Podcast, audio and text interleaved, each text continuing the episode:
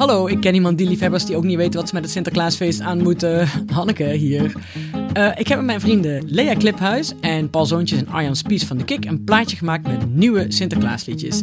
Nou, die gewoon gaan over wat kinderen nou interessant vinden aan Sinterklaas. Uh, zoals hoe weet Sinterklaas nou eigenlijk waar je woont? Uh, en over snoep en je schoen zetten en cadeautjes. En natuurlijk ook over samen zijn en familie en vrienden. Al vinden we dat laatste natuurlijk vooral als ouders. Want uh, wat kan het die kinderen nou eigenlijk ook schelen? Maar goed, ook heel belangrijk vind ik. Daar hebben we allemaal nieuwe liedjes over gemaakt. Liedjes die gaan over wat het Sinterklaasfeest nou echt is, volgens ons dan. Uh, en we zijn super trots. we hebben een cd'tje bij Excelsior en we hebben een klein toertje. Dus als jullie willen komen, heel graag. Uh, voor kinderen vanaf 4 jaar. Maar ik smokkel Ali ook gewoon mee met dat 3.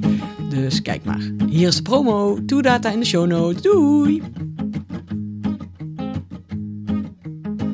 Een huis zonder schoorsteen met zo'n rooster in de grond. Daar past niks doorheen dat vierkant is of rond. Ik zet toch mijn schoenen daar, alle maten links en rechts. Pook, wat hout en oude kranten, het lijkt net echt. Alma woont in een huis zonder schoorsteen. Samen met haar vader, die vindt dat je best zonder spullen en cadeaus door het leven kan.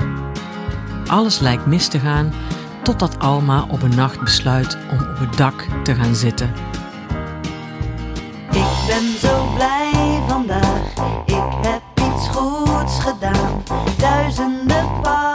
op het paard vervoerd. Alma en haar vliegend paard. Een spannend verhaal met nieuw geschreven liedjes over het Sinterklaasfeest door de beste muzikanten uit bekende acts als De Kik, Henny Vrienden en Lea Kliphuis. Een vertelling door romanschrijver en hoorspelmaker Hanneke Hendricks.